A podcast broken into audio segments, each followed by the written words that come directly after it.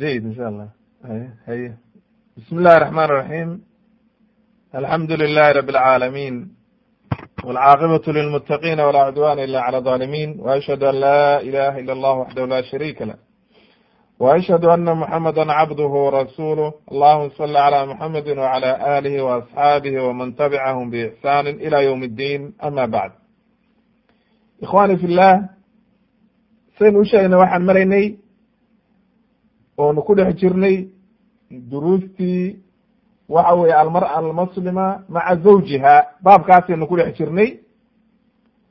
Waxaynu niri marka axaadiistii ugu dambeysay oo aynu ka soo hadalnay waxay ahayd atarkiib waxaa la jeclaysiinayey dumarka inay la yimaadaan daacatu zawj. Waatuu nebigu yihi calayhi salaatu wassalaam idaa sallat ilmar'atu khamsaha wa saamat shahraha wa adaacat zawjaha wa xafidat farjaha qiila laha dkhuli ljanna min ayi abwaabi ljannati shi'ti.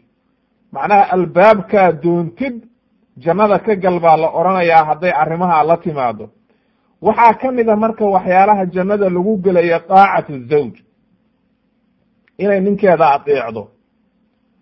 Xadiidkii kaleo aynu soo sharaxnay nebiga calayhi salaatu wassalaam inoo sheegay alaa ukhbirukum binisaa'ikum fi ljanna dumarka ahlujannaha miyaana idiin sheegaynin.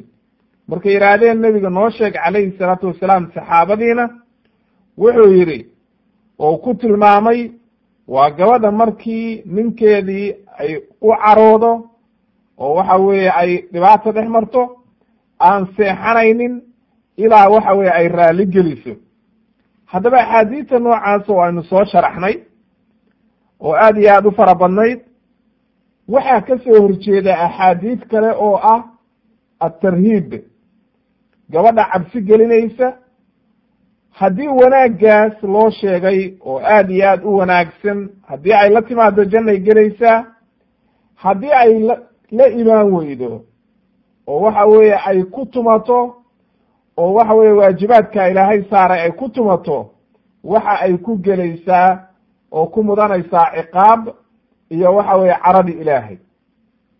Sidaa daraaddeed buu nebigu wuxuu yihi calayhi salaatu wassalaam ida daca arajulu imra'atahu ilaa firaashihi falam ta'ti. Haddii ninku uu xaaskiisa u yeerto oo jimaac ugu yeerto oo waxa weeye sariirtii ugu yeerto ilaa jimaac baan u baanahay oo ay u diido fabaata kadbaana calayha uu hameenkii barya isagoo u caraysan lacanatha almalaa'ikatu xataa tusbix. Malaa'igtaa nacladaysa hameenkaasoo dhan ilaa waagu ka beriyo. Bukhaari iyo muslim baa werinaya waa waciid khatara marka. Haddaba dumaro waxaa la rabaa inaad iska ilaalisaan oo aad iyo aad uga digtoonaataan arrinta noocaasa. Waayo sababtu waxa weeye labada qof xaq bay isku leeyihiin. Ma aha inay waxa weeye xuquuqdii lagu tunto.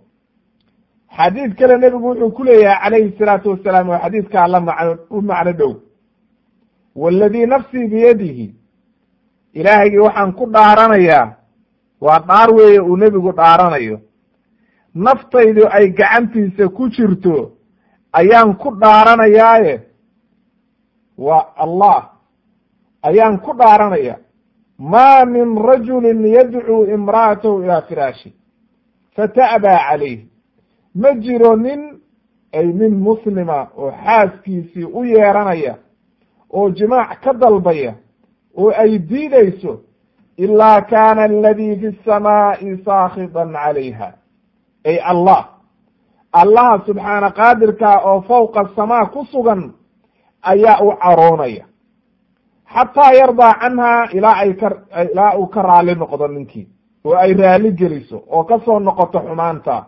Imaamu muslim ayaa xadiidkaana warinaya haddaba akhawaati fi llah laqad kaana azawaaju fi lislaam islaamka guurka waxaa loo jideeyey oo sababta ugu weyn oo ay tahay la isku guursanayo inay labada qof isku dhowrsanaadaan.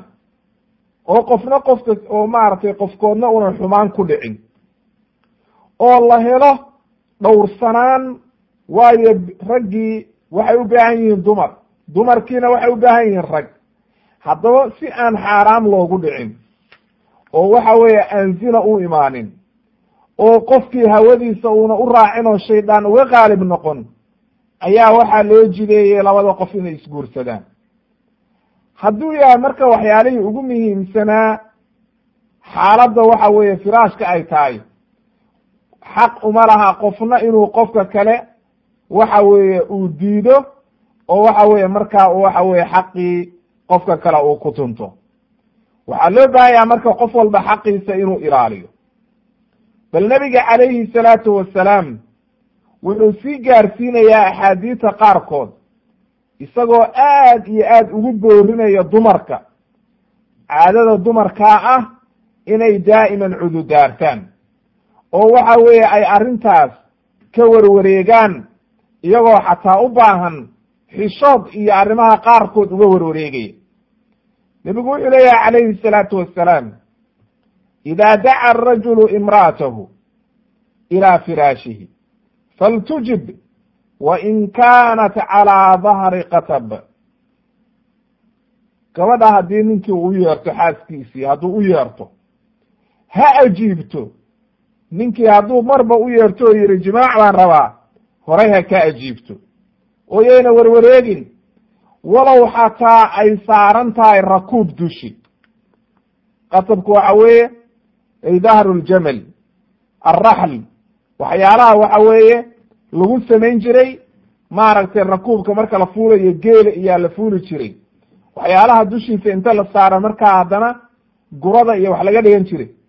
Macnaha hadday xataa safar ku jirto oo markaa saaran tahay waxa weeye rakuubkeedii oo uu yidhaahdo waa kuu baahnahay waa inay ka soo degtaa xadiid kale wuxuu leeyahay wa in kaanat cala tanuur tanuurka hadday dul taagan tahay ay waa tanuurka waa baalkaa muufada iyo lagu dugo macnaha jikadii haddii aad dul taagantao cunto karinaysid oo aadan diyaarba ahayn oo ninkii ku yidhi waa kuu baanahay ha warwareegin ukhtii fillaah qanci waayo sababtu waxa weeye waa ninkaagii xaq buu kugu leeyahay haddii kale oo adigii aad qancin weydid waxaa dhici karta inuu qalbigiisa wax ku dhacaan. Oo markaa waxa weeye fitan iyo dhibaata meeshaa ka bilaabato. Haddaba waxaa la rabaa qof walba inuu u degdego. Waayo nebigu xadiid kale buu ku sii adkaynaya isagoo ragga la dardaarmaya oo waxa weeye u sheegaya waxa weeye meesha fitanka lagaga badbaadayo.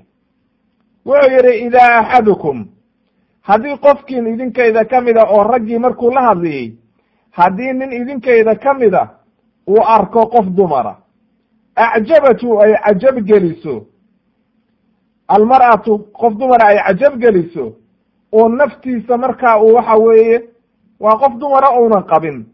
Dariiqa isagoo soo maraya buu qof dumara arkay. Shaydaankii baa u qurxinaya. Ishuu la raacay. Naftiisaa cajab gelisay qofkii wuxuu yidhi markaa nebigu qofkaasi falyacmud ilaa imra'atihi. Xaaskiisa ha soo aado oo ha jimaaco fa ina dalika yaruddu ma fii nafsihi. Naftiisa shahawadii ku soo dhacday iyo waxa weeye shaydaanku suu kaga faa'iidaysan lahaa waxaa ka baabi'inaysa xaaskiisa. Waayo sababtu waxa weeye haddii aad qofkaa dumarkaa isha la raacday ninkii waa bilow aadni shaydaankii baa ka qaalib noqonaya. Hadduu marka xaggan jalleecay oo nafta la raacay hadde xaaskiisii uu u yimid ayaa la rabaa isla markaba inay qanciso oo waxa weeye ay ka baabi'iso wixii naftiisa ku soo dhacayay oo markaas ay noqoto meeshii uu fitanka kaga badbaadayey laakiin haddii ay warwareegto oo waxa weeye fitankii iyo mashaakilkii ay markaa waxa weeye aynan ka badbaadin. Waxay ku dhacaysaa markaa waxa weye isagiina fitan buu ku dhacayaa waxa weye iyadiina xaqii lagu lahaa kama ay soo bixin marka.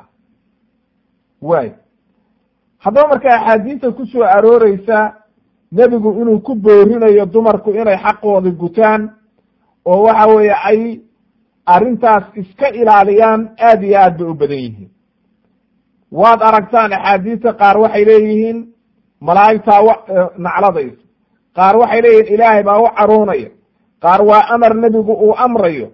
Haddaba dumaro arrintaa waxaa la rabaa inaad aad iyo aad uga digtoonaataan oo waxa weeye iidan marnaba arrintaa ku dhicin.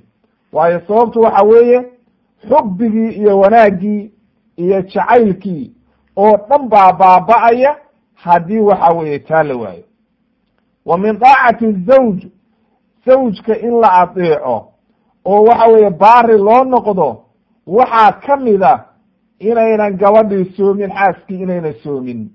Waxa weeye fii gayri ramadaan soon sunnaa inaynan soomin isaga oo jooga ilaa inay ka idan qaadato mooye. Waayo nebigaa yidhi calayhi salaatu wassalaam laa tasumu lmar'atu riwaayadda kale waxay ahayd laa yaxilu limra'atin an tasuuma wa zawjuhaa shaahidun ila biidnihi. Uma banaano qof dumara oo la qabo oo xaasa inay soonto soon sunnaa soonkii waajibkaa isaga laga hadli mayo waayo kaasi waa fardu cayn. Qof walbana waajib buu ku yahay laga idan qaadan mayo ee soonka waxa weeye waajibkaa in laga idan qaato ninka waa soonka sunnaha. Haddaba nebigu wuxuu leeyahay uma banaana gabadha muslimadda oo la qabo oo ninkeedii la joogo hadduu maqan yahay dee iyadaa ikhtiyaar leh. Waayo sababtu waxa weye hadduu maqan yahay sababtii baa meesha ka baxaysa loo joojinayay soonka. Ilaa biidnihi idankiisa mooye lama ogola waxaa kaloo nebigu uu ku daray xadiidka walaa ta'dana fii beytihi ila biidnihi. Inaynan gurigiisa cidna u idmin inuu soo galo ilaa qofuu raalli ka yahay mooye macnaha qof walba oo guriga kuu yimaado ukhtii fillaah inaad tidhaahd iska soo gal ma ah waa inaad hubisaa dadka aad guriga u idmaysid ninkaagu raalli ma ka yahay ma aha heblaa ii timid oo ila sheekaysata iyo waxa weeye hebel baa yimid hawadaada inaad raacdid ma ah waa inaad fiirisaa qofkan aad guriga ka u idmaysid inuu ninkaagu raalli ka yahay oo waxa weeye uuna dhibsanaynin. Xooluhuna waa sidoo kale.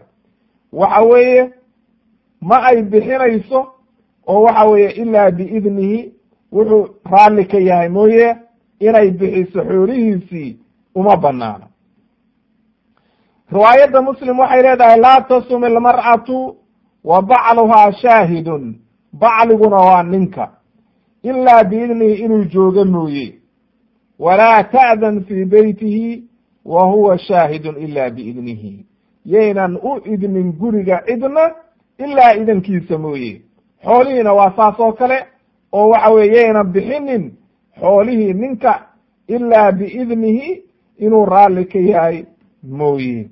Haddaba marka arrimahaasoo dhan nebigu wuxuu inoogu boorinayaa in la helo guri waxa weeye wanaagsan oo waxa weeye gabar muslimada oo ninkeedii adeecaysa oo ka dambaynaysa oo waxa weeye raalli raalliye ah in la helo baa la rabaa. Waataynu axaadiistii soo marnay waxa weeye addunyaa mataac wa khayru mataaciha almar'atu asaalixa adduunyadu inay raaxaysi tahay. Waxa ugu fiican oo ninku uu hela adduunyadana inay tahay gabar saalixada. Marka ninkii gabar saalixada oo adeecaysa oo diintii garanaysa hela waa wax aad iyo aad u wanaagsan. Haddaba axaadiistaa waxayna amrayaan. Inaad waxa weeye wax walba ninkii laga idan qaato oo waxa weeye la ilaaliyo xoolihii maalkii wixii la bixinayey. Waxa weeye dhaqankii guriga sidii loo dhaqmayey ciddii guriga loo idmayo iyo ciddaan loo idmaynin. Kulli waxa weeye ninka in lagala tashado ma aha inay qofta dumarkaa taraado aniga saan rabaan yeelayaa xor baan ahay waxaan rabaan samaynaya. Meesha waxaa la rabaa ixtiraam iyo waxa weeye labada qof kala dambayn iyo qiwaama iyo waxa weeye wanaag baa loo baahan yahay akhawaati fillah guriguna taasuu ku taagnaan karaa. Laakiin haddii la isfeerooro waxay yidhahdaan soomaalidu doon laba naakuudale waa degtaa. Haddii aan meeshii waxa weeye doonta ma wadi karaan laba darawal. Laba darawal markay gaarigay wadaan ama doontay wadaan burbur baa u dambeeya. Gurigii aan la kala dambayn oo waxa weeye daaca jirin oo waxa weeye qof walba xaqiisii una garanaynin aakhirkiisa burbur baa u dambeeya haddaba markaa wax walba waxaa la rabaa wanaagga in lagu wado. Amaa haddii uu ninkii xagga maalka oo xoolaha maadaama nebigu yihi calayhi salaatu wassalaam gabadhu ma bixin karto xoolihii ninka uu lahaa ilaa idankiisa mooye. Oo waxa weeye dee iyadoon xoolihii loo idmin say rabto uma tagrifali kadho laakiin axaadiid kalaa sugnaatayo xadiidkaasi wuxuu ka hadlayaa ay macnaha wixii israafa oo waxa weeye ay ama dad kala siiso ama waxa weye iyadi iska bixinayso. Amaa wixii nafteeda iyo ilmaheedu ay u baahan yihiin. Hadduunan ogeyn xataa waxa weeye wixii macruufa oo wanaaga way ka isticmaali kartaa oo lagalama tashanaya taa waayo sababtu waxa weeye hinda bintu cutba ayaa nebiga u timid. Waa xaaskii ab maaragtay abu sufyaan. Waxa weye zawjatu abi sufyaan radia allahu canhuma wey nebigay u timid calayhi salaatu wassalaam. Markaasay waxay ku tiri ya rasuul allah rasuulka ilaahayow ina abaa sufyaan rajulun shaxiix ay rajulun bakiil waa nin bakiila oo waxa weye aan xoolo badan bixinayn waxba bixinaynin walaysa yucdiinii ima siinayo maa yakfiinii wax igu filan wa waladii iyo ilmahayga. Carruur bay u haysay. Waa mucaawiya hooyadii. Mucaawiya waxa weeye ibn abi sufyaan iyo hooyadii wey marka waxay tiri wax igu filan aniga iyo ilmihii nama siinayo. Ilaa maa akhadtu minhu. Wixii aan qaato oo xoolihiisii aan ka qaato wa huwa laa yaclam isagoon ogeyn mooye. Ee arrintaasi tuuga ma noqonaysa oo ma sariqa mise waa dulmi mise waa wax ii bannaan. Qaala nebigu wuxuu yidhi khudii maa yakfiiki wa waladaki bilmacruuf adiga iyo ilmahaaga wax kugu filan ka qaado oo waxa weeye haddii uu kugu ciriiriyey oo masruufkii iyo noloshii kugu ciriiriyey wixii markaas aad ka isticmaali kadid yuunanba ogaane oo waxa weeye ilmahaagii iyo adiga. Cid kale laakiin waxba ma siinaysid. Waa wixii adiga iyo ilmahaaga kugu filan oo bilmacruufa ma aha inaad ku takrifalaysid israaf samaynaysid xoolihii baabi'inaysid laakiin wixii noloshiina macruufa macruufkana waxaa la yidhaahdaa dadka wixii markaa ku filan halkaas nolosha lagu nool yahay waxa markaa dadkii ku filan baa la yidhaahdaa macruuf. Haddaba xadiidkaa oo saxiixa wuxuu ina amraya oo inoo caddaynayaa oo waxa weeye dumarkii ay aad iyo aad loo baahan yahay inay fahmaan haddii wixii macruufa oo wanaaga aada isticmaashid oo ninka maalkiisiiya laa xaraja calayki wax dhibaataa male ood ilmihii ku quudinaysid oo naftaadii iyo gurigii iyo waxa weeye maaragtay wixii macruufa oo wanaaga. Wax dhibaataa male laakiin waxaad iska ilaalinaysaa israafka ood xoolihii baabi'isid waana inoo imaan doontaa insha allahu tabaaraka watacaala wasiyo aad iyo aad dardaaran u fiican. Ayaan waxa weeye sheegi doonaa oo soo socda oo waxa weeye gabar hooyo la dardaarmaysa gabadheedii oo waxa weeye la aroosay oo iyadana markaas kaga hadli doonta maalka iyo sida loo ilaalinayo. Walmar'ata almuslima haddaba gabadha muslimadda ah waxa ay gaaraysaa mas'uuliyadda macnaha caqliga leh waxa ay dareemaysaa oo ay garanaysaa mas'uuliyadda saaran oo ka saaran gurigeeda ninkeeda ilmaheeda inay aad iyo aad waxa weeye u ilaalinayso. Oo waxa weeye nebigu waatuu yihi calayhi salaatu wassalaam kullukum raacin wa kullukum mas'uulun can raaciyatih saaad u dhantihiin mas'uul baa tihiin raaci baa tihiin. Xoolaa la waxbaa laydin raacshay qof walba waxbaa loo diray adeegayaal baa tihiin. Kulligiina waa layda weydiinayaa qof walba wixii la raaciyey. Waarajulu raacin ninku waa la weydiinayaa waa raaci oo reerkiisi iyo mas'uuliyadda isaga ka mida fii ahlihi ahalkiisa ayuu raaci ka yahi oo mas'uul ka yahay oo ilaalinaya. Waana la weydiinayaa wixii ilaahay raaciyey. Waalmar'atu raaciyatun fii beyti zawjiha wa mas'uulatun can raaciyatiha. Qofka dumarkaana waxaa la raaciyey gurigii ninkeeda. Reerkii bay mas'uul ka tahay. Waana la weydiinayaa aakhiro wixii ay ka samaysay. Hadday xaqii gurigaa ku tumatay haddii ay ka soo baxday wanaag ay ka shaqaysay waa la weydiinayaa. Hadda markii la isweydiiyo waxaa imaanaysa waa su'aal. Su'aashii qofna waa ku dhacaya qofna waa ku baasaya waa imtixaan. Haddaba qofkii adduunka marka uu joogay gurigiisa wanaajiya. Oo gabadhii markay adduunka joogto ninkeeda adeecda oo gurigeeda wanaajisa oo ilmaheeda xanaanaysa waxa ay ku baasaysaa su'aasha imtixaanka oo biri amaam allah la weydiin doono. Oo markaa haddii ay ku baastana janno ku gelayso haddii ay ku dhacdana haddee waciid iyo khatar ay tahay. Tii markaa aan maanta su'aashaas u diyaarin jawaab waxay hadhow aakhiro ku jawaabta ma helayso. Qof walba marka diyaarso su'aashii aad amaam allah kaga jawaabi lahayd mas'uuliyaddan lagu saaray oo waxa weeye aakhirana lagu weydiinayo.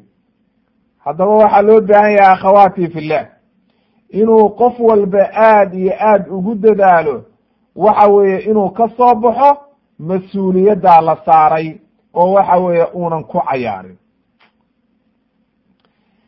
Wuxuu nabigu inoo sheegay calayhi salaatu wassalaam oo uu ku ammaanay gabdhihii quraysh laba arrimood waxaa la rabaa markay gabar walba oo muslimada oo maanta joogta inay labadaa sifo oo nebigu ku ammaanay dumarka in laga helo. Waayo waa arrin aad iyo aad u muhiima marka mar haddii lagu ammaanay gabdhihii qurayshta labadaa arrimood gabar walba oo sifadaa yeelatana ammaantii bay yeelanaysaa oo la wadaagaysa wuxuu yidhi nebigu calayhi salaatu wasalaam khayru nisaa'in dumar waxaa ugu wanaagsan rakibna alibil dumar geel fuula ay macnaha waa dumarkii xilligii geelaa la fuuli jiray. Quraysh baa ugu wanaagsan bu yidhi nisaau quraysh dumarkii quraysh ahaa. Waa qabiilkii nebigu ka dhashay quraysh waa garanaysaa oo carabta oo maka degana. Wuxuu yidhi axnaau wuxuu yidhi axnaaun calaa waladin axnaahu calaa waladin fii sikarihi ilmaha sakiirkaa waa kuwa ugu xanaano badan ay macnaha dumarka aad iyo aad ilmaha u xanaaneeya oo ilmaha jecel oo waxa weeye aad iyo aad ugu naxariista awlaadda ayay ku sifaysnaayeen oo nebigu ku tilmaamay dumarkii quraysh wa arcaahu calaa zawjin fii daati yadihi macnaha wuxuu kaloo ku tilmaamayaa inay ninkeedana aad iyo aad arrimihiisa u ilaaliso xagga dhaqaalaha xagga maalka wax walba ay dhaqaalaynayso oo aad iyo aad u wanaajinayso xadiidkaana imaamu muslim ayaa werinaya fi fadaa'il asaxaaba haddaba marka labadaas sifo oo tilmaantaa waa laba aad iyo aad u muhiima ko waxaa la rabaa haddii gabadhi la guursada hooyay noqonaysaa ilmay dhalaysaa. Ilmihii xanaanay u baahan yihiin. Waxay u baahan yihiin naxariis fara badan. Waxay u baahan yihiin in aad iyo aad loo xanaaneeyo oo lagu koriyo waxa weeye naxariis aad iyo aad qaali u ah. Waxaa loo baahan yaha marka in ilmihii la tuso naxariistaa aada u wanaagsan waad aragteen waxyaalaha xataa ridaaca oo gu ilmaha in la nuujiyo loo waajibiyey waxa weeye naxariis bay ilmihii ka helayaan oo ilmihii markii naaskii la nuujiyo. Oo uu ku barbaado halkaa waxa weeye uu ku caqlisto isagoo waxa weeye hooyadii dhabta kaga jira waxa uu helayaa naxariis iyo wanaag. Haddaba markaa waa midda koowaad. Waxaa kaloo laga rabaa markaa haddaad ilmihiisaa u dhaqaalaynaysid ninkiina inaad dhaqaalaysid oo maalkiisa iyo gurigiisa iyo ciyaalkiisa iyo naftiisa kulli adigaa mas'uul ka ah oo gurigii mas'uuliyaddii hayee inaad ka soo baxday mas'uuliyadda. Haddii marka laga helo labadaa dumarka waxay noqonayaan markaa dumarka dumarka ugu wanaagsan. Ayay ka mid noqonayaan waayo waa markhaanti uu nebigu ka markhaanti kacay dumarkii quraysh inay arrintaa ku sifoobeen oo ku tilmaanaayeen. Nebiguna waxa weeye calayhi salaatu wassalaam waa waxyi min allah oo waxa weeye allihii subxaana qaadirkaa uu u waxyooday. Waayo sababtu waxa weeye maa yandiqu can ilhawa in huwa ilaa waxyun yuuxa. Nusuusta nebiga calayhi salaatu wassalaam oo dhan waa waxyi min allah haddaba aynu ku dadaalno oo waxa weeye in sifaatkaas aad yeelataan akhawaati ku dadaalo ilmihiinana u naxariista dumar badan baad maanta arkaysaa oo waxa weeye ilmahoodii aan naxariis u gelaynin waxa weeye raggii aan maaragtay isaga rag warkiisa badaa waxa weeye dhibaato badan iyo mashaakil badan ay afar iyo labaatanka saac lugaha lagula jiro. Ilaahay ha laga cabsado marka xoolo iyo maal waxba tari mayo ee waxaa la rabaa wixii janno lagu gelihaa in la shaqaysto. Ku dayda akhawaati fillaah bal dumarkii zawjaadkii nebiga calayhi salaatu wassalaam iyo waxa weeye dumarkii saxaabadii ku dayda oo wixii ay samayn jireen wanaaggay ninkooda u samayn jireen sida ay u dhaqaalayn jireen arrimahaasoo dhan ayaa la rabaa inaad kaga dayataan oo marka nusuusta la akrinaya axaadiista inaad xadiis walba ka qaadatid faa'iide iyo cibar baa la rabaa. U fiirsa marka bal tusaale waxaan u soo qaadanaynaa caaisha radia allahu canha. Nebiga calayhi salaatu wasalaam bay la socotay. Gabar yar bay ahayd waad ogtihiin caaisha. Gebigeedaba iyadoo sideed iyo tobankii dhaafin buu nebigu ka dhintay. Waxa weeye iyadoo yar buu guursaday nebigay la socotay calayhi salaatu wasalaam fi xajati alwadaac oo la soo xajiday waxay leedahay nebiga calayhi salaatu wasalaam markii intuunan xiran oo uunan xarman ayaan dayabtu rasuula allahi sala allahu calayhi wasalam biyadii. Gacantayda ayaa nebiga ugu dhiibeeyey oo dhiibka la marsado casarka xalaha dhiibkaa oo la marsado. Gacantaydaa nebiga ugu marmariyey macnaha anaaba u meriyey oo gacantayda ugu meriyey. Markii uu xaramka intuunan xarman oo waxa weye ixraamkii markii la joogay. Walixillihi xiina axalla markii uu xalaal noqdayna inta uuna dhawaafin ayaa haddana dhibki iyo casarkii iyo waxa weye udugii u mariyey haye. Haddaba marka waxaa laga rabaa dumarka inay ninkooda saas oo kale u dhaqaaleeyaan oo waxa weye aada ninkaagii waxa weye casarka u marinaysid oo u saliideynaysid oo madaxa u shallaynaysid oo waxa weeye wax walba oo wanaaga aad u samaynaysid. Bal u fiirsa waxa ay leedahay caaisha radia allahu canha waxaan u dooray bay tiri biadyabi diib diibka kii ugu wanaagsanaa oo ugu fiicnaa xilligaa ayaan u dooray markaasaan waxa weeye u mari oo waxa weeye inta unan xiran aan u mari. Xadiid kale waxa ay ku leedahay waa axaadiis saxiixa bukhaari iyo muslim baa wada warinaya. Xadiid kale waxa ay ku leedahay kana nabiyu sala allahu alayhi wasalam ida اctakafa yudni ilaya ra'sahu faurajilhu wa kana laa yadkulu fi lbeyt ila lxaajat linsan xadiidkaas oo saxiixa oo imaamu muslim iyo warinayaan waxa ay ku leedahay nebiga calayhi salaatu wasalaam oo muctakifa ictikaafkii ku jira oo masaajidka jooga ayaa waxa uu samayn jiray madaxiisa ayuu daaqada iiga soo dhiibi jiray. Guriga caaisha radiallahu canha qolkeeda waa meesha hadda nebigu ku xabaalan yahay calayhi salaatu wasalaam oo qabrigiisa shariifka uu yahay iyo abubakar iyo cumar waa qolkii ku dheganaa masaajidka. Waxay leedahay marka aniguna qolkan ku jiray isna wuxuu ku jiray masaajidka oo waxa weeye qofka muctakifkaa inuu masaajidka ka baxo oo danihiisa isaga baxo oo ictikaafkii ka taga lama rabo. Waxay tiri marka waad ogtihiin dhulkuna waa dhul kulul. Oo qofkii maalin walba wuxuu u baahan yahay qubays iyo shalaysi iyo waxa weye nadaafad oo dhulkii dhul kulul wey waa la dhibidaya waxay tiri marka isagoo ictikaafaya ayuu markaa iisoo dhiibi jiray madaxiisa daaqadda. Markaasaan intaan madaxa u dhaqo oo u shalleeyo oo u saliideeyo oo u hagaajiyo buu markaa waxa weeye meeshiisa ku noqon jir. Haye bal u fiirsa marka. Waxay leedahay kuntu aksilu ra'sa rasuuli llahi sala allahu calayhi wasalam madaxaan u dhaqi jiray ayay axaadiis kale ku leedahay. Wa ana xaa'idun anigoo weliba xayd qaba ayaan madaxa u dhaqi jiray. Haddaba markaa innaga waxa weeye maanta soomaalideenna waxa weeye arrintaasba waxaaba moodaaba wax aad iyo aad u adag agteena inay naagtu ninkeeda madaxa u dhaqdo oo u saliidayso oo u shallayso oo dharka u feerayso oo dharka u dha dharka waaba u dhaqaanba waa u feereeyaan laakiin sida kale waxaa laga yaabaa inayba soomaalidu aada u aqoonin.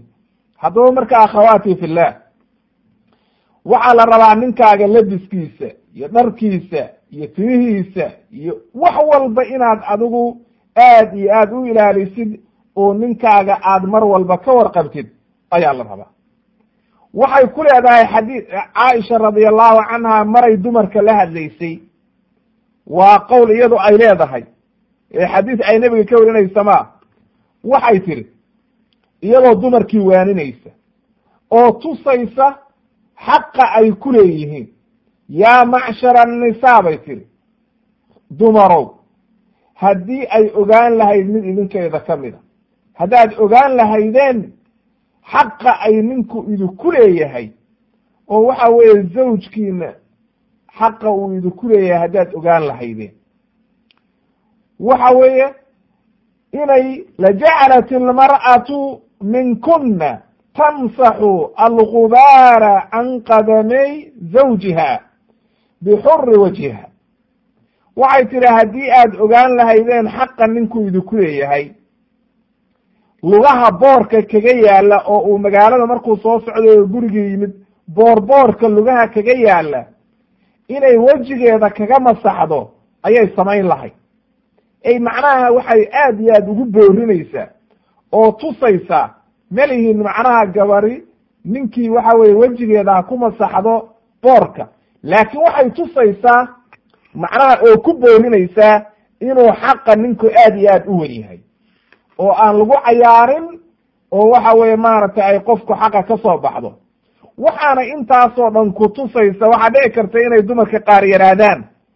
Oo dee ninku xaq badana isagu ilaah heerkaa maxaa loo gaarsiiyey oo ka waran adiga marka lagu gaarsiiye ukhti oo lagu yidhi jannaaba ku gelaysa wanaaggaas aad samaysay janno wax u dhigma miyaa jira. Jannada waxa weeye carduha asamaawaat waalard raalli ahaanshaha ilaahay wanaag oo dhan baad ku gaaraysa. Arrintu waa imtixaan. Waxa weeye waa awaamir allihii subxaana qaadirkaa uu ku amrayo ee ma aha wax ninka hawadiisa raac lagu leeyahay marka waxaa la rabaa ninkaaga wax walba oo wanaaga ilaa wixii macsiya mooye inaad ku taageertid oo waxa weye aada wanaag ugu samaysid oo aad karaamaysid ayaa la rabaa. Haddaba marka waxaan soo qaadanaynaa bal wasiyada iyo dardaaranka ay waxa weeye dumarka loo baahan yahay inay iyaguna naftooda u dardaarmaan hablahoodana u dardaarmaan marka ay guur gaaraan markay guur gaaraan inay u dardaarmaan. Waayo sababtu waxa weeye mar walba oo qofka dumarkaahi ay ninkeeda wanaajiso oo wanaag u samayso qiimaheeda iyo wanaaggeedaa kor u sii kacaya. Ninkeedii baa sii jeclaanaya. Karaamadaa iyo wanaaggaas ayaa kor u sii qaadaya. Haddaba waxa ugu wanaagsan oo waxa weeye aynu soo qaadanayno waxaa ka mid ah qiso uu wariyey cabdilmelik uu ka sheekeeyey cabdilmelik ibni cumayr alqurashiy waana maaragtay alqarni athani raggii ahaa weeye oo macnaha qarnigii labaad oo hijriyada.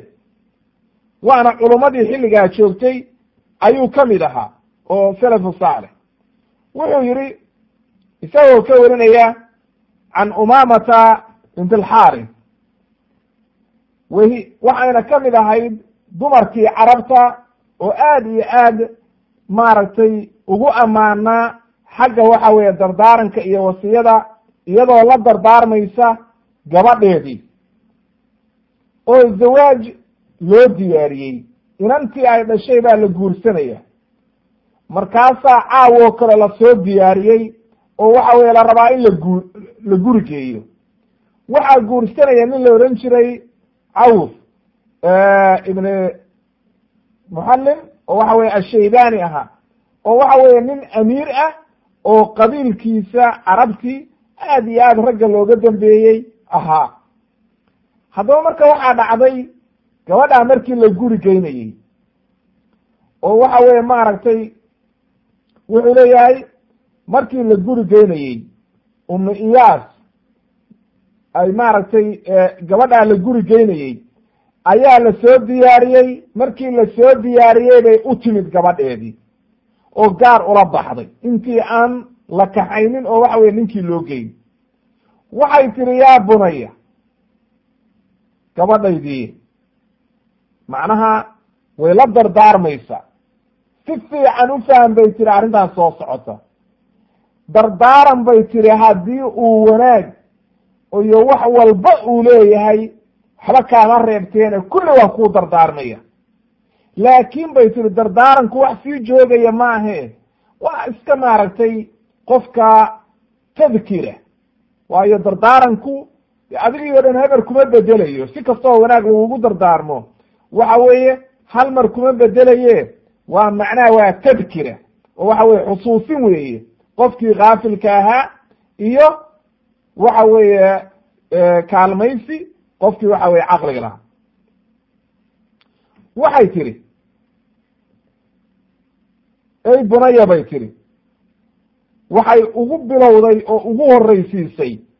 Horta inayna naagtu nin ka maarmin ninkuna una naag ka maarmin. Low istaknat ilmar'atu bay tiri can zawjiha biginaa abiiha wa shiddati xaajatiha ilayh haddii ay ka maaranta bay tiri qofka dumarka ahi nin oo waxa weeye aabbaheedoo ama qaniya ama waxa weye xooleed wax walba macnaha aabbahay iyo hooyadii baan iskala joogayaa oo nin uma baahni ma oran kadha gabadhu. Waayo sababtu waxa weeye allihii subxaana qaadirkaabaa ugu talagalay. Waxay tiri marka haddii ay jiri lahayd gabari inay ka maaranto nin oo aabbaheed iyo hooyadeed ay iskala joogto adiga ayaa ka maarmi lahaa oo waxa weye sida aanu kuu jecelnahay sida aanu waxa weye kuugu baahana sida adiguna aada noo jeceshahay laakiin bay tiri ma jirto walaakina annisaaa khuliqna lirijaal dumarka waxaa loo abuuray ragga. Kamaa lahunna khuliqa arijaalu linnisaa. Ay macnaha dumarkii iyo raggii kulligood waa la isku abuuray. Macnaha ninkii kama maarma naag naagtiina nin kama maaranto. Haddaba marka maxaa xal ah marka in sida xaqa ah uu qof walba ku socdo oo qof walba ka soo baxo wixii wanaag ah. Waxay tidhi ogow bay tiri weli dardaarankii toban dardaaran bay siin doontaa laakiin hore dhac bay u samaynaysaa waa gabar aad iyo aad u caqlilaba ahayd oo khadiibad ah. Waxay tihi ay bunaya inaki qad faaraqti bay tihi aljawi aladii minhu kharajti waxaad ka dhex baxday bay tihi noloshii aad ku soo kortay shala gabar baad ahayd hooyadaa iyo aabbahabaa mas'uulkaa ahaa gurigiinaad joogtay mas'uuliyad kuma saarayn waxa weeye adigaa lagu dhaqaalay maanta laakiin waad naga dhex baxday waxaad gashay waxa weeye nolol cusub oo aadan garanaynin.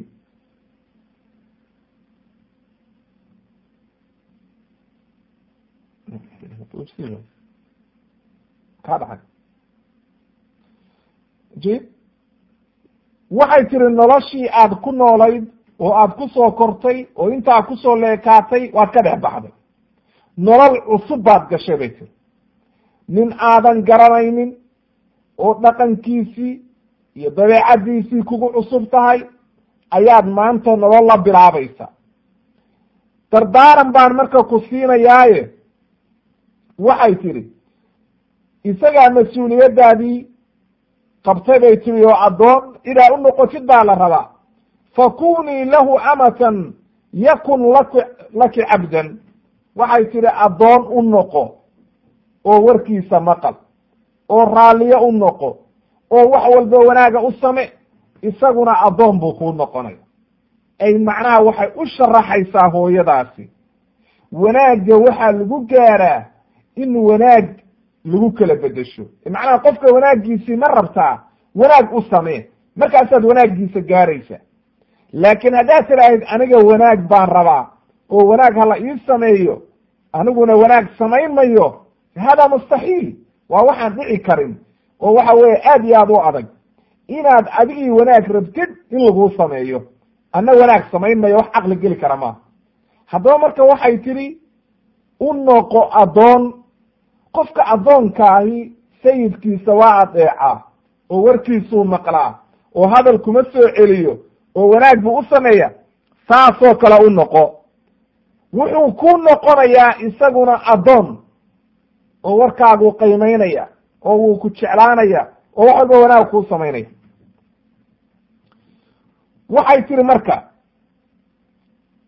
waxaan kuusoo koobayaa bay tihi ixmilii bay tihi canii khisaalan cashran toban dardaaran iga qaado bay tihi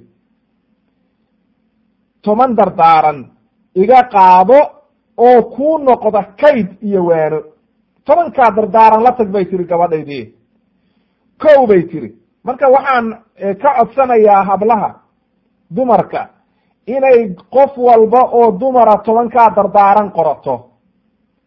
Oo hadda inta aynu sharaxayno ay qalin iyo bog mid waliba ku qorato. Oo tobankaas ay si fiican ugu fekerto bal inay ninkeeda tobankaa dardaaran ay waxa weeye kula dhaqanto. Hab gabadheeda marka beri la guursanayana ay tobankaa dardaaran siiso oo waxa weeye waa toban dardaaran oo aad iyo aad u qiimale wey waxay tidhi fa ama aluulaa wathaniya midda koowaad iyo midda labaad bay tihi ay macnaha tan koowaad waxay tihi faasuxbatu lahu bilqanaaca. Marka ugu horeyso horta waxaad kula noolaataa ninkaaga alqanaaca. Waa midda koowaad qanaaca waxa weeye macnaha waxa la haysta ku qanac ninkii haddii dhaqaalihiisii yar yahay hadde ha wereerinin oo dhaqaalo badan keen ha dhihin waayo wuxuunan haynin dee ha ka dalbin waayo kalis iyo mashaakil baad gelinaysa. Haddaba waxaa loo baahan yahay alqanaaca. Waayo nebigu wuxuu yidhi alghinaa hina nafs. Macnaha naftaada waa inaad qanaaco ka heshaa oo waxa la haysta ku qanacdaa oo ninkaasi waxa uu haysta aad ku qanacda. Waxay tihi midda labaad waalmucaasharatu inaad kula noolaatid bixusni samci waddaaca ay macnaha ninkaaga inaad waxa uu ku farayo aad maqashid oo aad eecdid oo aadan ka hor imaanin. Waxay tihi marka iyadoo arrintii sii fasiraysa fa ina fi lqanaacati raaxata alqalbi qofku hadduu qanac yahay oo wixii la siiyo ku qanco qalbigiisaa degaya oo qalbigiisaa idmiinaan noqonaya haddii uu qofku bay tidhi wa fii xusni samci wadaaca rida rabbi haddii aad ninkaaga maqashid oo aad deecdid ilaahay baa kaa raalli noqonaya bal u marka marka markay u sheegtay labadaa dardaaran ayay labadiiba u fasirtay. Waxay tidhi haddii aad qanaaco yeeratid qalbigaaga waa raaxaysanaya oo ninkaaga qalbigiisu waa degaya oo wuxuusan hayn ha ku kalifin oo qinaacadaasi qalbigaaga u fiican tahay. Labadiina. Waxay tidhi haddii aad maqashid oo warkiisa yeeshid oo aad adeecdidna ilaahay baa kaa raali noqonaya haddii qof ilaahay ka raali noqdayna wanaag oo dhan buu hel marka labadaa ugu horreeya waa nooca alqanaaca wadaaca inaad macnaha ninkaaga aad wuxuu haysto ku qanacdid iyo inaad adeecdid labadaa waa labada dardaaran oo ugu horeysa waxay tidhi wa ama athalitha waaraabica midda saddexaad iyo midda afraad. Waxay tihi midda saddexaad waxa weeye faatafaqudu limawdici anfihi tan afraadna waxa weeye watacahudu limawdici caynihi laba arrimood bay u dardaarmaysaa oo jirkeeda ku saabsan waa inagii soo marnay gabadhu say jirkeeda iyo wanaaggeeda uga shaqaynayso waxay tidhi aad iyo aad u baar bay tiri oo u ilaali limawdici anfihi ay macnaha yuunan wax xun kaa urinin. Wax xun yuunan kaa urinin. Macnaha gabar baariya ha noqonin oo aan nadiif ahayn oon isnadaaminaynin oo waxa weeye gurigeedii dheerti yahay oo waxa weye iyadii o dhan dee gurigii mar ma aha. Waa inaad noqotaa an nad nadaafa. Annadaafatu min aliimaan marka waxay ku boorisay inay ninka sankiisa ilaaliso oo waxa weeye uuna marnaba u soo urin wax uu dhibsanayo. Waayo sababta waxaa loo baahan yahay ninkii markuu xaaskiisa u yimaado de inay soo carfayso catar iyo wanaag iyo unsi iyo wanaag oo dhan in laga helo. Laakiin waxa weeye qof baali ahoo say jikadii ugu jirtay suugadii ka soo urayso waa mashaakil weeye oo aad iyo aad arrin fiican ma aha marka dumarkeena arrintaa aad bay ugu fiican yihiinoo waxyaalahan unsiga iyo wax aad u wanaagsan bay isticmaalaan. Waxay tiri watacahudu limawdici caynihi ay ishiisana ilaali. Oo yuunan kaa arkin wax xun adiga oo si qaab daran u labisan ama wax wanaagsan aan ku labisnayn ama waxa weeye wasak leh de yuunan ninkii kaa arkin. Daa'iman waa inaad noqotaa gabar nadiifad ah oo gurigeedu nadiif yahay oo dee soomaalidu waya yidhaahde hebla waa gaari. Macnaha waxay ka wadaan waa nadiif oo gurigeeda iyo waxa weeye dharkeeda iyo iyadoo dhan waa qof nadaafadda lagu ammaano wey waxay tiri marka iyadoo ufasiraysa ayay waxay tiri falaa taqa caynuhu minki calaa shayin qabiix. Waxun yuu kugu arkin. Walaa yashumu anfahu minki ilaa atyaba riixin. Macnaha yuuna wax xunna kaa urinin. Labadii qof waa la wada seexanaya noloshii baa la wada qaybsanaya. Waa inaadan adigoo dhididaya ama adoo suugadii kaa soo urayso dee ninkaa la seexanin. Aad iyo aad isaga ilaali oo isnadaami bay ka wadaa nadiifo nadaafadda ku dadaal way u sii raaciso waxay tiri waxa ugu wanaagsan oo la isku qurxiyo waa indhakuusha ee indhakuusha isticmaal waxaad kale oo isticmaashaabay tiri walmaa-u bay tiri adyaba diib almafquud ogow bay tiri biyahana aada u laasim ay mar walba qubaysaday ka wadaa oo gabar nadiifa noqo oo aada iyo aada ugu dadaa waxay tiri wa ama alkhamisa wasaadisa midda af shanaad iyo midda lixaad. Waxay tiri fatacahudu liwaqti طacaamihi ninka gaajaha ku dilin oo cuntadiisii ilaali oo cuntada xilligii la cunayey de waa inay cuntadii diyaar tahay oo ninkii oo maanta o dhan soo shaqeeyey gurigii markuu yimaado oo uu qadayn lahaa dee hadhihin waxba diyaar ma aha oo waxa weeye gaajaha ku dili waxay tiri waa midda shanaata midda lixaad waxay tiri walhuduu'u cinda manaamihi. Marka uu seexanayana gurigiisii waa inuu guri degan noqda dee ninkii oo daalan markuu seexan lahaa qaylaha ku bilaabin iyo xisaab iyo lacag iyo mashaakil iyo ciyaalki dee waktigii waxa weeye ninka raaxaysan lahaa ha ku cayaaray noloshiisii. Way u fasirto waxay tihi fa ina xaraarata aljuuci waxay tihi malhabatun waxay tihi gaajada kulaylkeedu wuu gubaa qofka waa olol. Macnaha ninkii oo gaajaysan oo islaa gurigii markaad titid baad cunto cunaysaa saad maanta o dhan u sheekaysanaysay waxba diyaar ma aha. Qadadiina waa daahday xilligiina waa kulul yahay. Hadhow ninkii markaa mashaakil bay arrintii ku noqonaysaa. Markaasu waxa weye gaajo la seexanaya waxay tiri oo kale wa tankiida annawmi maqdabatun. Hurdada oo qofka laga kiciyo oo waxa weeye hurdadii lagaga nixiyana oo lagu qayliyo ama waxa weye lagu sharqamo qofkii oo hurda waxa weeye cara ayaa laga qaada. Marka waxay leedahay ilaali ninkaaga gurigiisa xilliga uu seexanayo. Cuntadiisana ilaali. Oo markuu yimaado waa inay cuntadii diyaar tahay oo waxa weye maaragtay ila ninkii wuu shaqaynayaa oo waxa weye hawshii dabadda ayuu ku qaybsany waay. Waxay tihi wa ama asaabica wathaamina midda toddobaad iyo midda sideedaad waxay tihi tan toddobaad falircaau calaa ciyaalihi calaa xashmihi wa ciyaalihi. Waxaad ilaalisaa oo si fiican u ilaalisaa waxa weeye ciyaalkiisa guriga iyo ciyaalka waxyaalihiisa aad u ilaali. Waxay tihi midda sideedaad walixtifaadu bimaalihi maalkiisana ilaali. Markaasay u sii fasirto waxay tihi fa ina alixtifaada bilmaali xusnu taqdiir.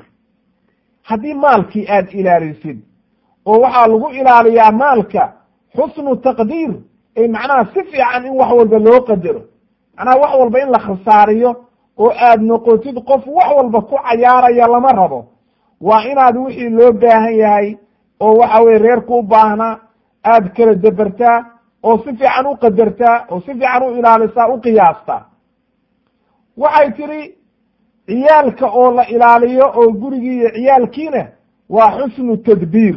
Waa wax walba oo wanaag lagu diyaarinayo oo la kala deberayo haddaba marka waxay kula dardaarantay labadaa qodobna in ciyaalkii iyo maalkii iyo gurigii in si fiican loo ilaaliyo oo waxa weye iyadaa mas'uul ka ah waa inay ilaalisaa. Waxay tihi wa ama ataasica waalcaashira waa midda ugu daran.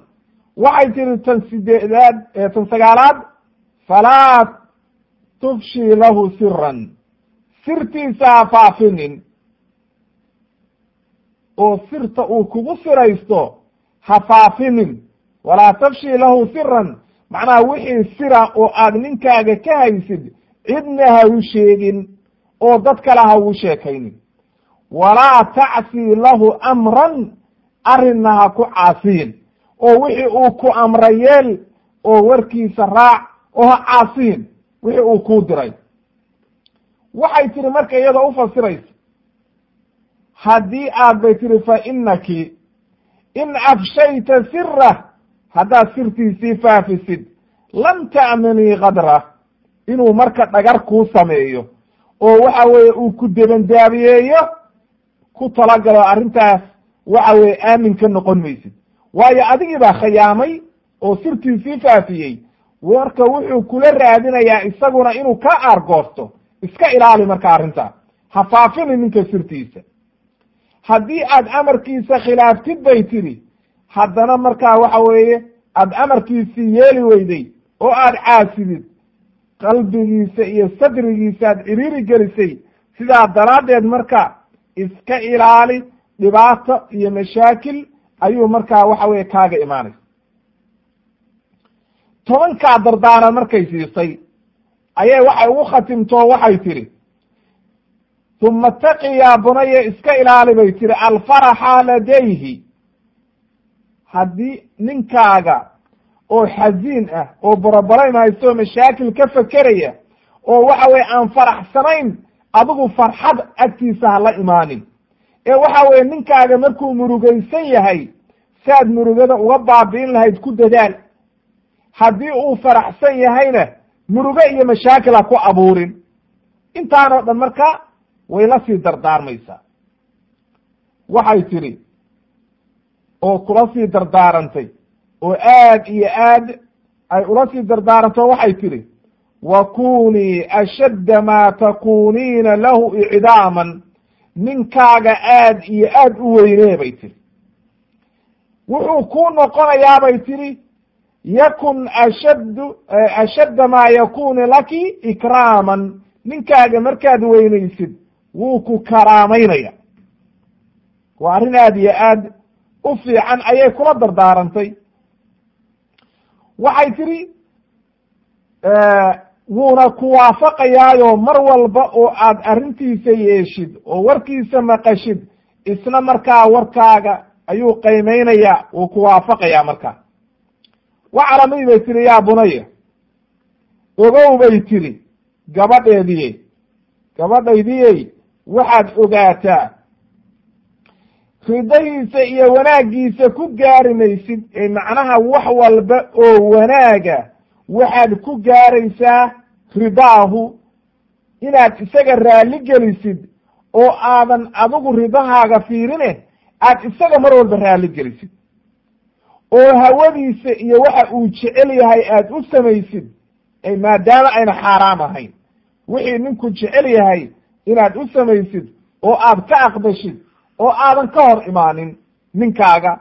Haddaad saad samaysid bay tidhi oo wanaaggaa la timaadid wanaagoo dhan baad helaysaa laakiin ogow bay tiri haddii aad markaas waxa weeye kale waxa weeye khasaaro iyo mashaakil oo dhan baa ku dambeeya haddaba marka waxaa loo baahan yahay akhawaati fillah arrintaa aad iyo aad qiimaha umale u leh oo waadixa oo waxa weeye hooyadaasi aad iyo aad waxgaradkaa ay kula dardaarantay gabadheedii oo waxa weeye guur loo gelbinayo. Waxaa loo baahan yahay inay hooyo walba sidaa ula dardaaranto waxa weeye hableheeda hooyo walbana ay saa ugu dhaqanto oo waxa weeye gabar walba ay ku dadaasho arrintaas wanaagsan sidii ay ugu dhaqmi lahayd si ay markaas uga badbaado mashaakilka iyo dhibaatada iyo waxa weeye muranka iyo nisaaca maalin walba taagan oo waxa weeye gurigu uu u noqdo guri wanaagsan oo qaymo leh oo waxa weeye markaa aad iyo aad u qaymo leh. Haddii marka saa la helo oo wanaagga noocaasa la helo waxaa la helayaa markaa inay noqoto noloshii nolol wanaagsan oo waxa weeye maciishadii iyo noloshii iyo waxa weye maaragtay istimraarkii gurigu uu noqdo guri aad iyo aad u wanaagsan. Waxaa kaloo marka loo baahan yahay haddii xataa gabadhu ay xoolo leedahay diinta islaamku waxay caddaysay. Hadday gabadha ay masalan qofkii dumarkaa ay xoolo leedahay oo ninkeedii uusan nin waxba haysta ahayn ma aha inay ku nacdo oo taraado aniga daa'iman waxaan rabaa nin xoolo leh. Bal waxaad arkaysaa saxaabiyaadkii iyo waxa weye raggii saxaabada dumar xoolo leh oo niman waxa weeye muhaajiriin oo fuqaraa waxba haysan ay wada qabeen. Ma aha marka inay daa'iman dumarku ka fekeraan nin xoolale baa rabaa xoolaha ilaah baa bixiya laakiin waa imtixaan min allah. Waxaa la rabaa qofkii ilaahay uu xoolo siiyana waa la eegayaa inuu ku sabro inuu waxa weye xaqooda ka soo baxo xaqii uu ka soo baxo iyo inuu waxa weye ku kibro oo waxa weye xaqa ku tunto waa la kala eegaya waxaa dhacday maalin buu nebigu waaniyey dumarka oo wuxuu yihi yaa macshara nisaa tasadaqna dumarow sadaqaysta. Oo waxa weeye walow min xuliyi kunna maalin ciiday ahayd war xataa dahabkiina aa qabtaan oo ku xaragoonaysaan sadaqaystee wax sadaqaysta.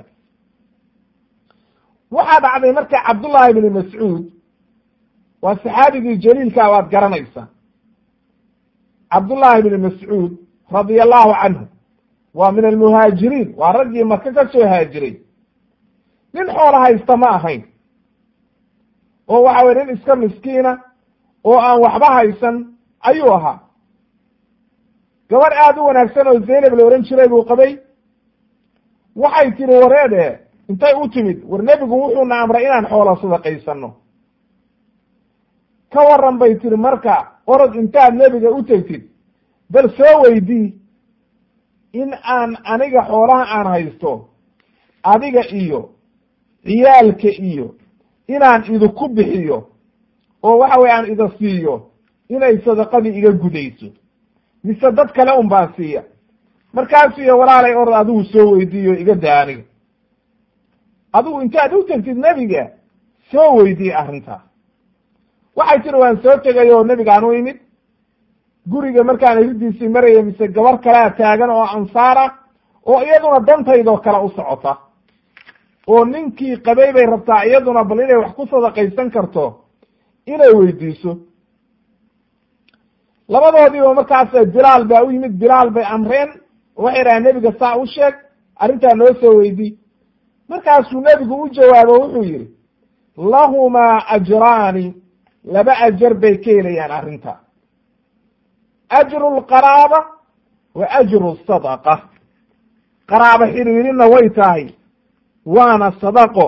Bukhaari iyaa werinaya waa xadiis saxiixa iyo muslim iyo haddaba marka arrintaana waxaa inooga caddaatay weliba riwaayad kale waxay leedahay zawjuki wa waladuki axaqu min sadaqatin. Waxa weeye min man tasadaqti bihi. Qofka aad ku sadaqaysatid waxaa ugu xaq badan ninkaaga iyo carruurtaada ay macnaha qofka dumarkaa xoolaha ay haysato wixii ay haysato ninkeeda iyo ilmaheeda inay ku sadaqaysato laba ajar bay ka helaysaa ajru lqaraaba wa ajru sadaqa waa arrin aad iyo aad u wanaagsan oo iyadana loo baahan yahay inay dumarku ku baraarugaan oo xoolaheeda intay meel kale ku bixin lahayd ay aad iyo aad arrintaas u ugu dadaasho waxaa kaloo loo baahan yahay xadiidkaa markuu nebigu maalintaa uu dumarka amriyey arrin aad iyo aad u khataroo waciida buu sheegay in waciidkaa la iska ilaaliyana waa la rabaa. Waayo nebigu wuxuu yidhi yaa macshara annisaa tasadaqna fa inii ra'aytukuna waxaan idha arkay akharu ahli nnaari inaad tihiin dadka naarta ugu badan. Wuxuu yidhi sadaqa bixiya. Si aad naarta uga badbaadaan waayo waxaan arkay inaad tihiin dadka naarta gelaya dadka ugu badan way weydiiyeen gabar baa weydiisay waxay yihi rasuulka ilaahi lima maxaan u noqonay qaala nebigu wuxuu yidhi calayhi salaatu wasalaam tugsirna lacna nacladaad badisaan wa takfurna alcashiir raggana waad ku kufridaan. Wanaaggii ninku idiin samaynayay waad ku kufridaan oo waad ka abaal dartaan wey ma aha gaalnimadii oo diinta lagaga dhexayey ee macnaha waad ka abaal dartaan wey waxaadna badisaan nacladda aad bay dumarku ugu badan yihiin wax walba waxay odhanayaan naclad baa kugu taa nacladi kugu dhacday. Looma baahna in afkaaga aad bertid ukhti fillah waxa. Wa fii riwaayati riwaayad kale waxay ahayd oo nebigu uu yihi calayhi salaatu wasalaam low axsanta ilaa ixdaakuna haddii mid idinkayda ka mida sanadka oo dhan addahra ay sanadkao dhan haddii wanaag loo samaynayo. Uma ra'at. Ninkii aad wanaag kastoo aad u samaysay hadday xumaan kaa aragto khalad ay kaa aragto waxay odhanaysaa maa ra'aytu minka khayran qad. Weligay khayr imaad samayn ayay odhanaysa.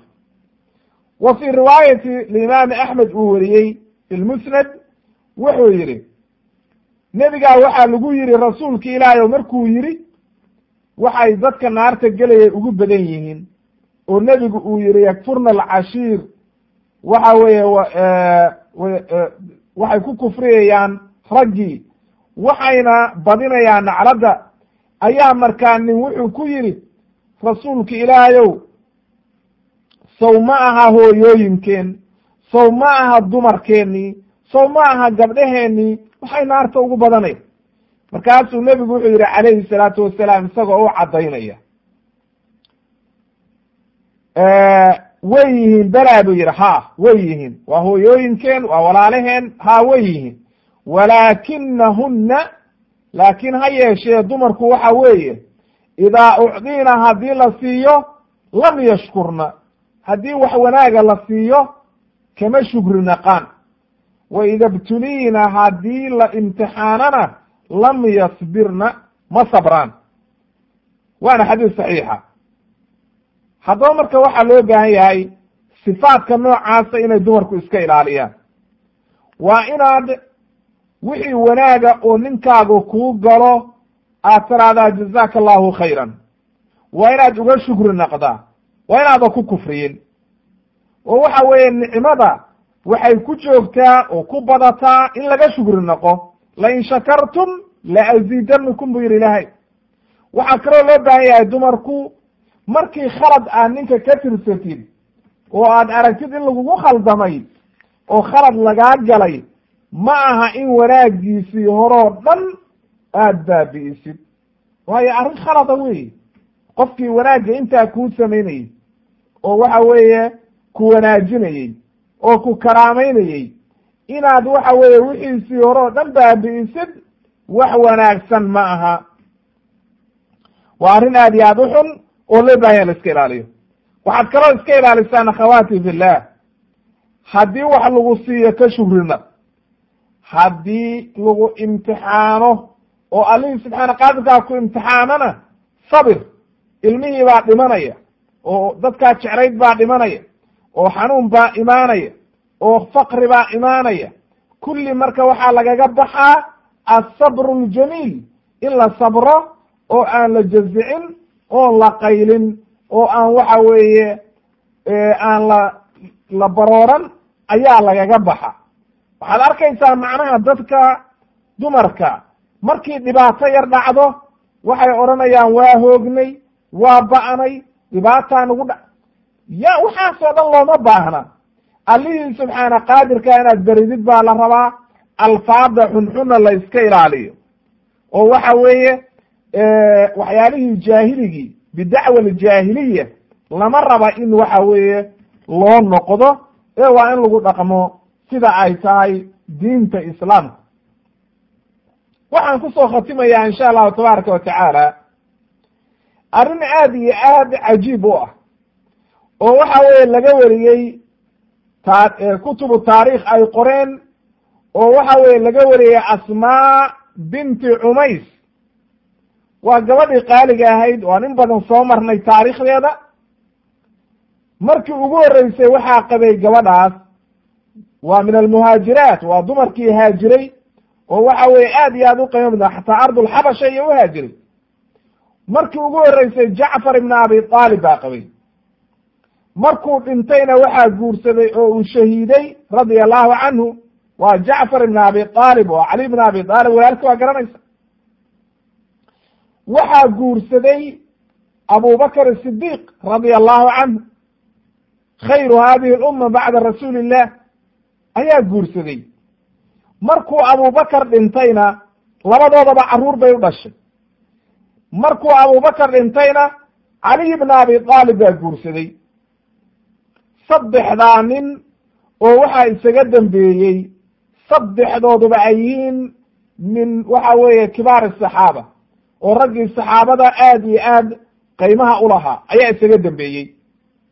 Maalin maalmaha ka mid a ayaa waxaa dhacday inay isku faameen laba wiilo ay dhashay oo maxamed ibni jacfar oo jacfar ibn abi aalib uu dhalay oo maxamed la ohan jiray oo iyadu ay u dhashay. Iyo maxamed ibn abi bakar. Kana maxamed baa la yidhahdaa oo abubakar baa dhalay oo iyadaa u dhashay. Ayaa nin walba ninkii kale wuxuu yidhi ana akramu minka? Anaa kaa wanaagsan. Wa abii khayru min abika aabbahay baana aabbaha ka fiicnaa. Mathalan abubakar wiilkiisii wuxuu leeyahay kan kaloo walaalkiisi wuxuu ku leeyahay waa walaalkiisi oo ka weyn weliba. Waayo sababtu ina jacfar baa weyn.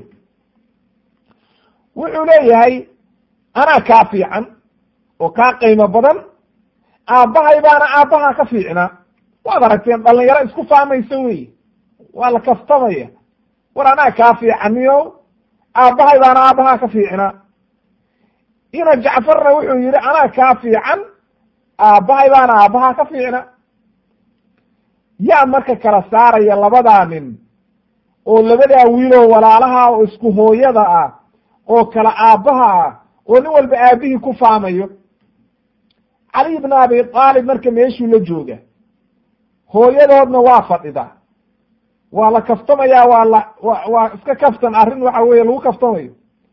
Cali ibn abi aalib baa marka hadlo wuxuu yidhi intuu la hadlay asmaa iqdi baynahumaa kala xukun buu yidhi labadaa nin. Yaa asmaa labadaa nin kala xukun. Labadabana adaa dhalay oo kii fiican waad garanaysa. Labada nin oo ay ku kala faamayaanna labadaba labadaadii nin oo ku soo maray weeye oo nin walba waad garanaysaa qaymihiisa iyo wanaaggiisa kala xukun marka nimankan asmaa waa kala xukuntay marka cadaalad bay ku kala xukuntay.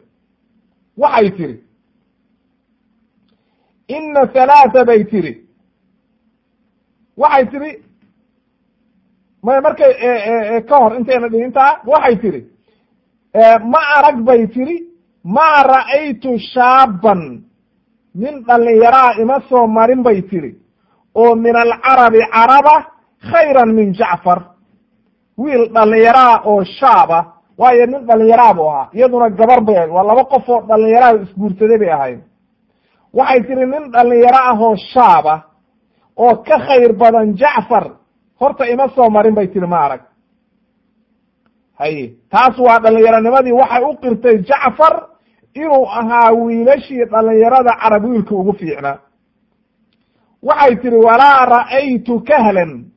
Kahalku waa ragga waaweyn oo waxa weeye ninku markuu afartan iyo gaaro oo germadoodaha la yidhaahdo oo shaabnimada uu ka baxo khayran bay tiri min abibakar nin weyn oo ka khayr badan abubakarna ma arag bay tiri.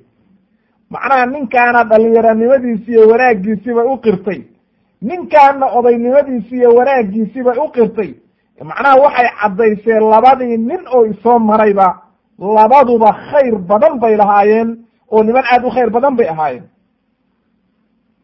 haye markaasaa faqaala caliyi wuxuu yidhi ma tarakti lanaa shay-an. Oo annaga waxba noogama aad tegin marka. Haddaad dhallinyaronimadii ku ammaantay jacfar weynankiina aad ku ammaantay abubakar aniga maxaad ii reebtay marka? Markaasay waxay tidhi isagiina way ammaantay. Oo waxay tidhi ina halaata saddex bay tihi isoo martay.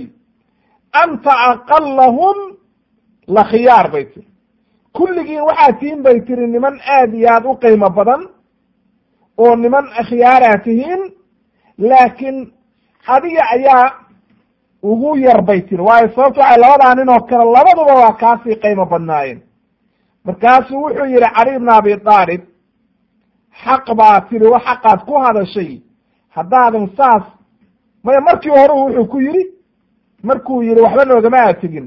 Walow qulti gayra aladii qulti haddii waxa aad dhahday waxaan ahayn aad tiraahid waan kuu caroon lahaa. Ay macnaha haddaadan abubakar iyo jacfar ammaanin ee aniga un ad ammaantid waan caroon lahaa aad baan kaaga xanaaqi lahaa. Waayo waa kufru nicma. Haddaba marka arrintaasina waxayna tusaysaa gabadhaa caqligeedii iyo wanaaggeeda iyo sida ay maaragtay u ammaantay oo wanaaggii ay raggeedii soo maray lahaayeen ay waxa weeye maaragtay u sheegtay. Haddaba akhawaati fillah waxaa loo baahan yahay inaad ninkaaga wanaagga uu kuu sameeyo aadan marnaba ku kufriyin. Macal shaahidkaan u keenayno waa saas. Inaan lagu kufriyin wanaagga ninkaaga uu kuu samaynayo inaad daa'iman xusuusatid wixii wanaaga oo ninkaaga kuu sameeyey inaad dib u xusuusatid. Ee aadan caradaada iyo markaad carootay aadan waxa weeye ayna kula tegin oo markaa kufru nicam aadan ku dhicin. Ee intaad ka shukri naqdid wixii wanaag ahaa wixii khaladana markaa aad saxdid insha allahu tabaaraka wa tacaala. Intaa ayaan ku joojinaynaa marka haddii rabbi idmo mawduucuna weli waa sii socdaa subxaanaka allahuma bixamdika ashhadu an laa ilaha ila astafiruka waatuubu ilayk walxamdu lilahi rabbi alcaalamiin